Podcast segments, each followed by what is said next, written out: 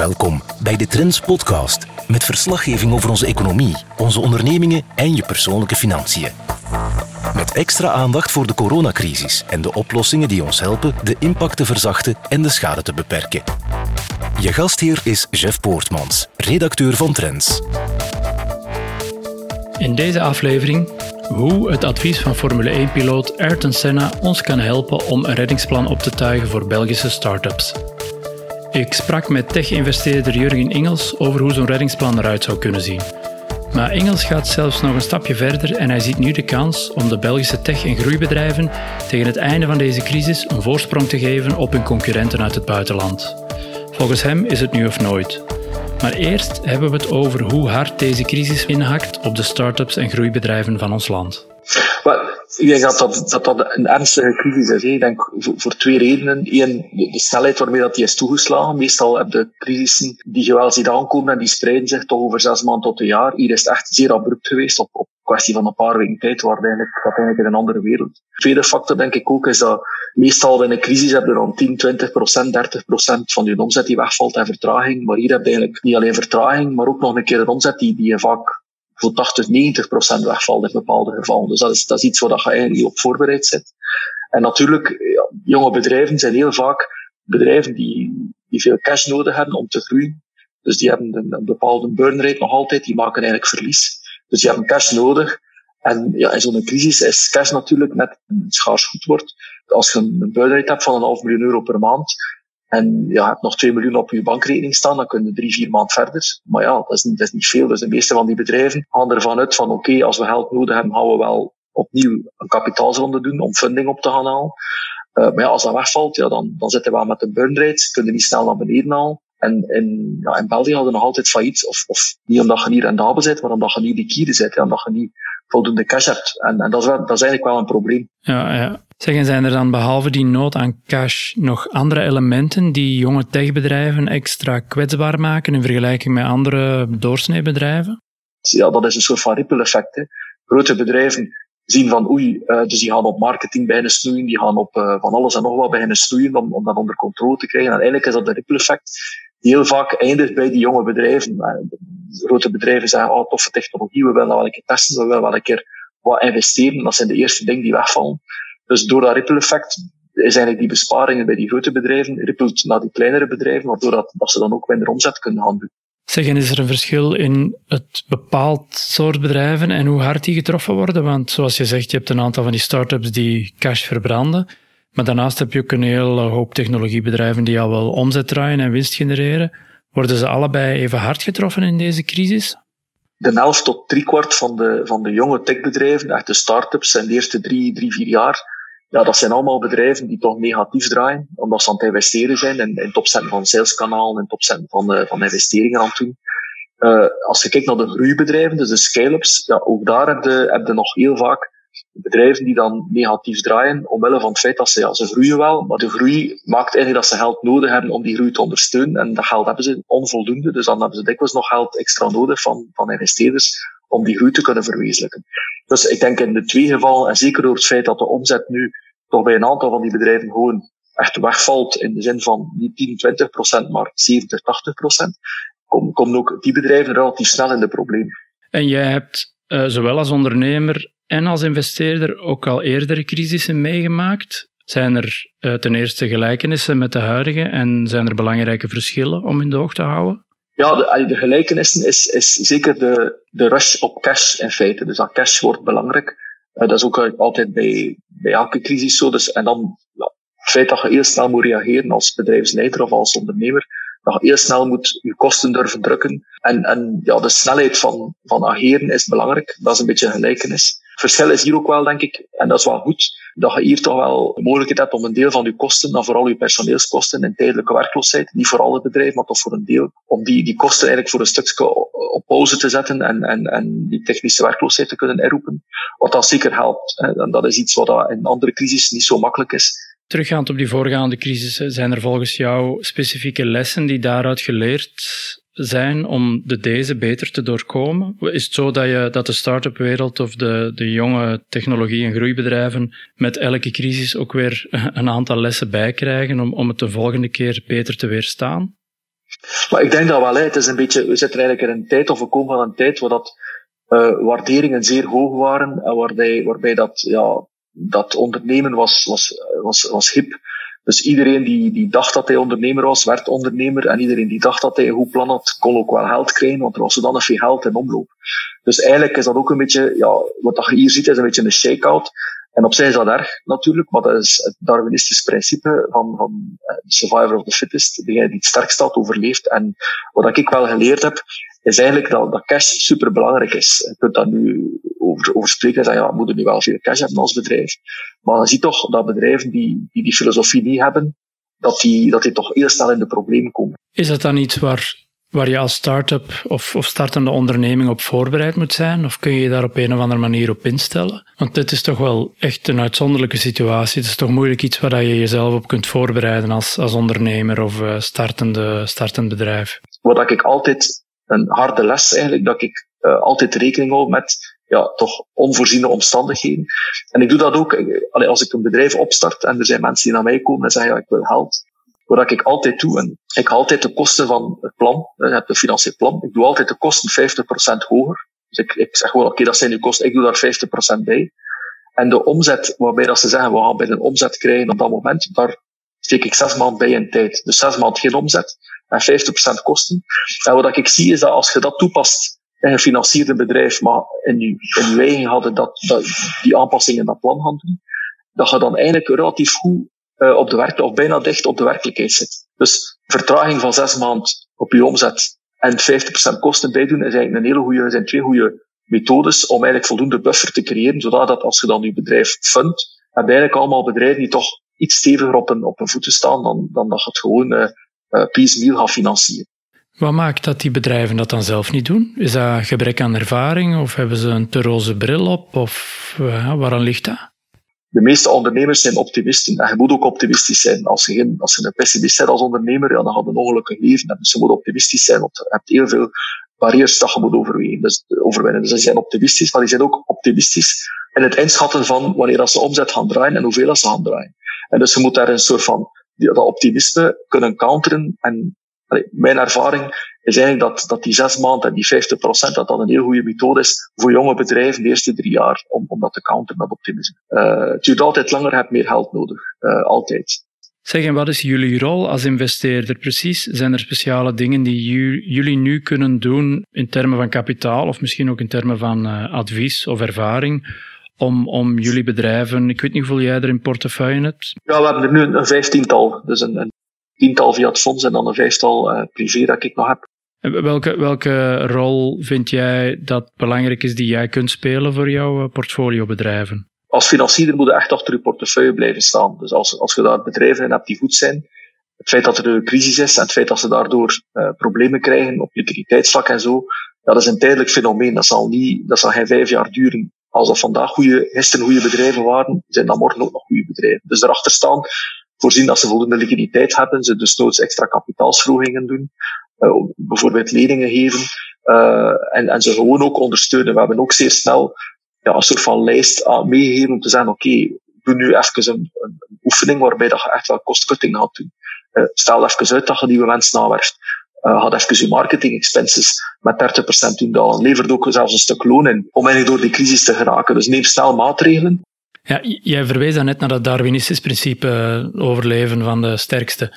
Maar is dat iets dat je in deze crisis, die dat echt wel enorm hard, snel en diep snijdt, zomaar kunt loslaten op de start-up wereld? Is, is het wel verantwoord om nu Darwinistisch te denken volgens jou? Ik denk dat er twee, twee antwoorden zijn. Het eerste antwoord is, er zijn heel veel bedrijven opgezet de laatste jaren, uh, waarvan ik vind, het businessmodel is niet goed. Ondernemers zijn niet goed, het team is niet goed.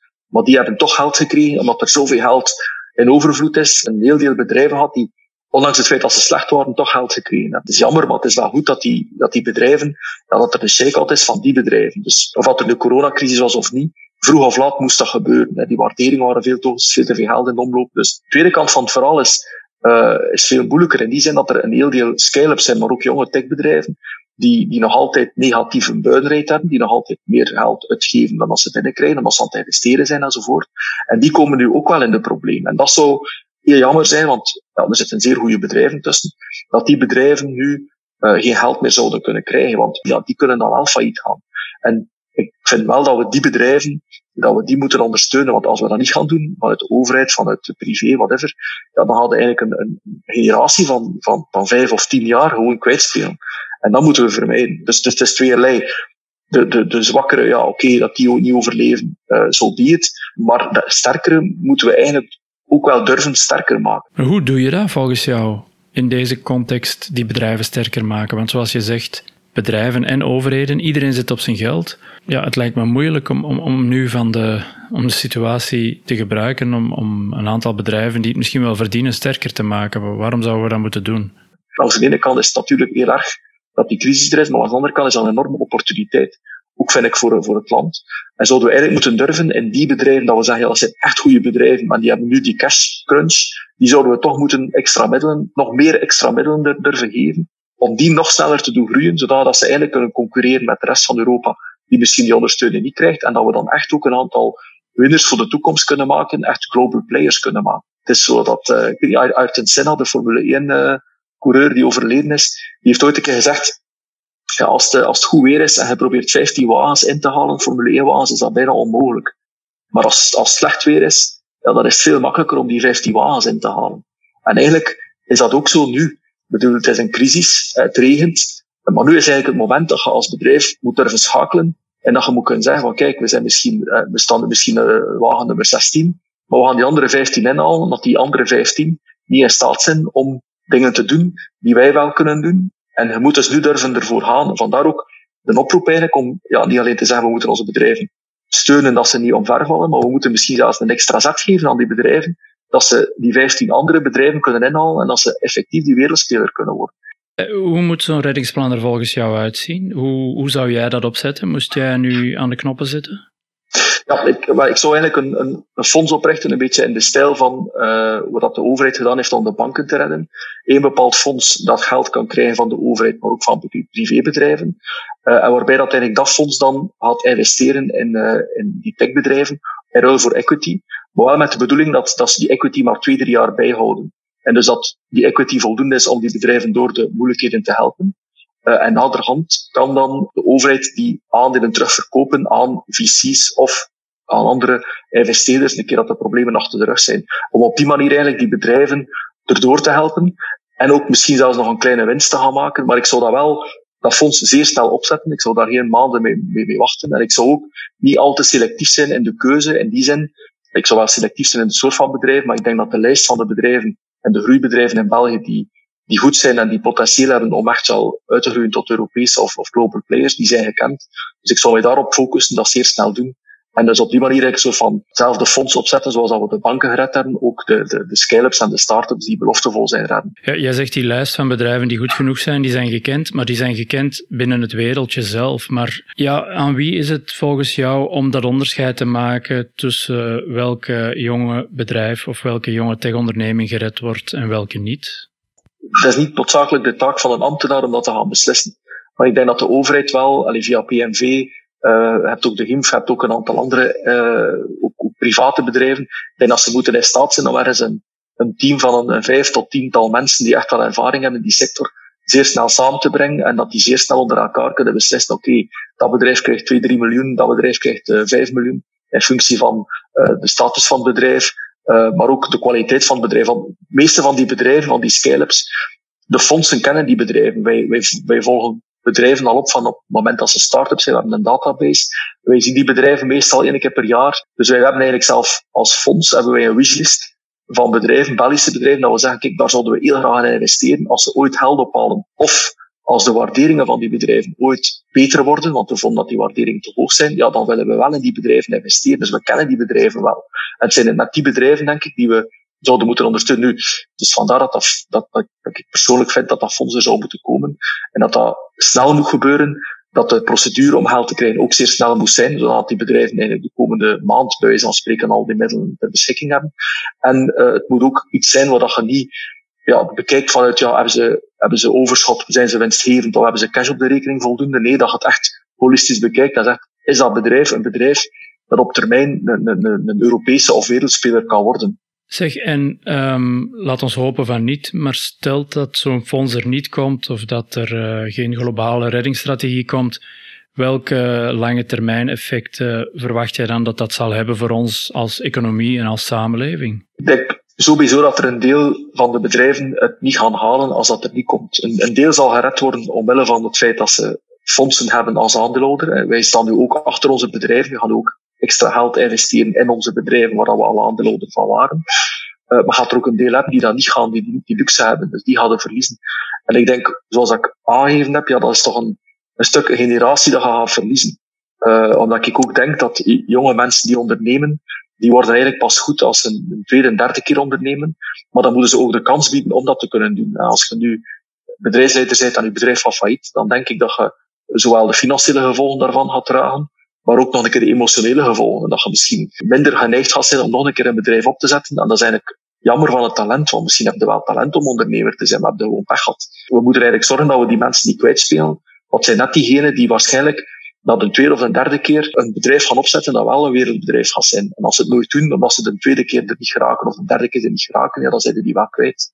Zeg, en jij bent zowel tech-ondernemer als investeerder. Zie je op lange termijn ook specifiek voor de technologie als geheel kansen in deze crisis? Hoe zie jij technologie en de rol van technologie in ons leven, in onze economie en in de maatschappij veranderen in de komende jaren, eenmaal dit achter de rug zal zijn? Persoonlijk vind ik dat, dat qua technologie dat we nog maar aan, aan het begin staan. Ik denk dat we aan 0,01% staan van de impact van technologie op ons leven. Dus de impact van technologie op ons leven, op onze manier van werken, op onze gezondheidszorg, op hoe dat we omgaan met elkaar, op uh, interactie, op, op communicatie, dat, is, dat moet nog allemaal gebeuren. Ik ben een heel grote fan van technologie, omdat ik heel goed besef dat, ja, dat, dat, dat we binnen 100 jaar gaan terugkijken naar de fase nu. En dat, eh, zoals wij nu naar de Romein kijken en zeggen, ja, dat waren een bende barbaren, gaan ze zeggen, dat waren, dat waren een bende tikbarbaren. Want, eh, bijvoorbeeld, die gingen dan naar kantoor om te gaan werken, terwijl dat, dat dan iedereen vaststelt van ja, waarom zou de hemelgodsnaam naar kantoor gaan als je thuis zit en, en even goed kunt werken of zelfs beter kunt werken thuis. De, de manier dat, we, dat technologie ons leven gaat impacteren, gaat alleen, alleen maar groter worden. En dus bedrijven die daar een rol kunnen in spelen, ja, die, die, die gaan alleen maar belangrijker en belangrijker worden. Vandaar dat ik ook heel hard pleit voor, voor technologie in, in bedrijven binnen te brengen. Omdat technologie je toelaat om tijd te reduceren in je processen. Tijd, denk ik, is het kostbaarste goed dat wij allemaal hebben. Nee, dat kun je niet kopen. Hè. Tijd, is, tijd is abstract, je kunt dat niet kopen, je kunt dat niet. Dus je moet die tijd zo goed mogelijk besteden. En technologie maakt eigenlijk dat je tijd veel efficiënter kunt gaan besteden. Zowel in je productie, robotics, als in je, als in je werkomgeving. Ik ben een hele grote believer. En ik denk dat, ja, dat die crisis waarschijnlijk ook nog ons gaat laten beseffen ja, dat tijd een kostbaar goed is en dat we moeten alles gaan doen om, uh, om dat te gaan verbeteren. En technologie is daar cruciaal in. Oké, goed. Jurgen Ingels, hartelijk bedankt alvast voor uh, jouw tijd en inzichten. Geen probleem. Ja, ik voel me een beetje zweven tussen wanhoop en hoop na dit gesprek. Het mag natuurlijk niet verrassen dat de coronacrisis snoeihard inhakt op jonge groeibedrijven en start-ups.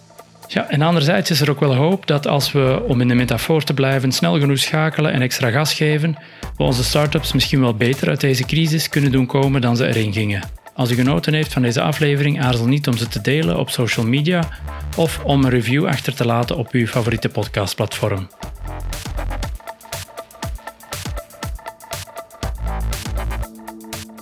Hoe omschrijf ik jou best als de start-up guru, paus of keizer van de lage landen? Nee, we maar gewoon als Jurgen Ik denk dat dat...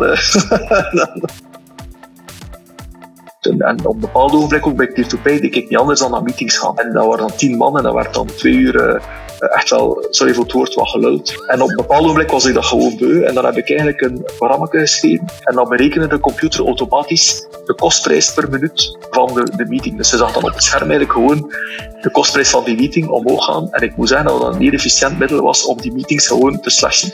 Van, van twee uur naar, uh, naar, naar 20 minuten. Je hebt er geen IP op gepakt om het, uh, om het later uh, als, als product... nee. nee, dat was misschien al wel een idee geweest dat, uh, dat nog wel U luisterde naar de Trends podcast met een update over onze economie, onze ondernemingen en je persoonlijke financiën.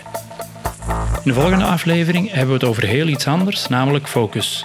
Ik sprak met neurowetenschapper en auteur Mark Tichelaar En hij legt uit hoe je je aandacht en concentratie kunt aanscherpen om vanaf nu hypergefocust door het leven te gaan.